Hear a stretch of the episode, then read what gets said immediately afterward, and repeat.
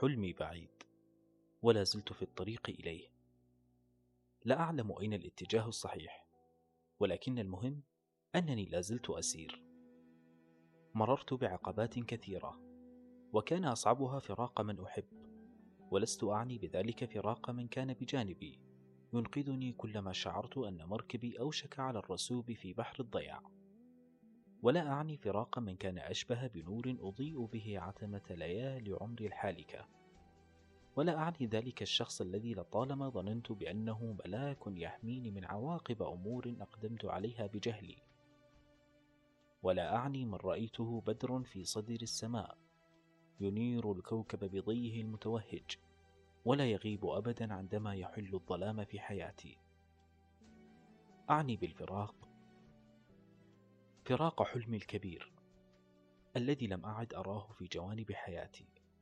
رحل وهو يشير إلى المجهول وكأن لغة عينيه قد أشارت أن هذا الرحيل هو الفيصل بيني وبينه. لم أكن أصدق بأنه رحل. لم أكن أصدق بأن ذلك الحلم الذي كان يجعلني أستيقظ كل صباح. أشكر الله بأن وهبني إياه. بلا سبب وجدته قد اتجه إلى المجهول. وبعد أن رحل. لم أبت ليلة إلا باكيا وراجيا الله أن يجمعني به. أين؟ وكيف؟ ومتى؟ لا أعلم.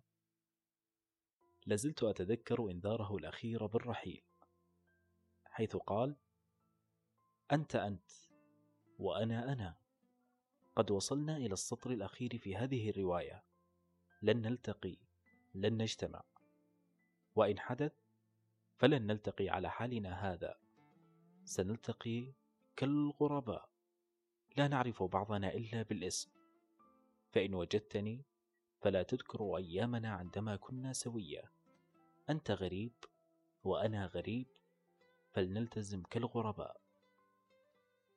رحل وأنا في ذهول. سألت نفسي لماذا؟ لماذا رحل؟ وفي هذا الوقت تحديدا.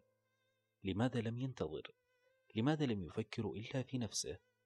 بدأت أردد قصيدة قيس بن الملوح إذ يقول وقد يجمع الله الشتيتين بعدما يظنان كل الظن ألا يلتقيا تساقط نفسي حين ألقاك أنفسا يردن فيما يصدرن إلا صواديا وجدتني تائها في صحراء بعيدة والشمس قد استقرت في صدر السماء والرياح سريعة. تكاد أن تنتشل روحي معها. أنتظر الليل لكي تهدأ الحياة من حولي. وأفكر. أتى الليل. وفكرت مليئا. أعدت التفكير مرتين وثلاثة. حددت المشكلة. اقتربت من الحل. ولكن لم يكن هناك حلول. لم أجد وسيلة للهروب من هذا الواقع المرير. لم أجد بطاقة الخروج.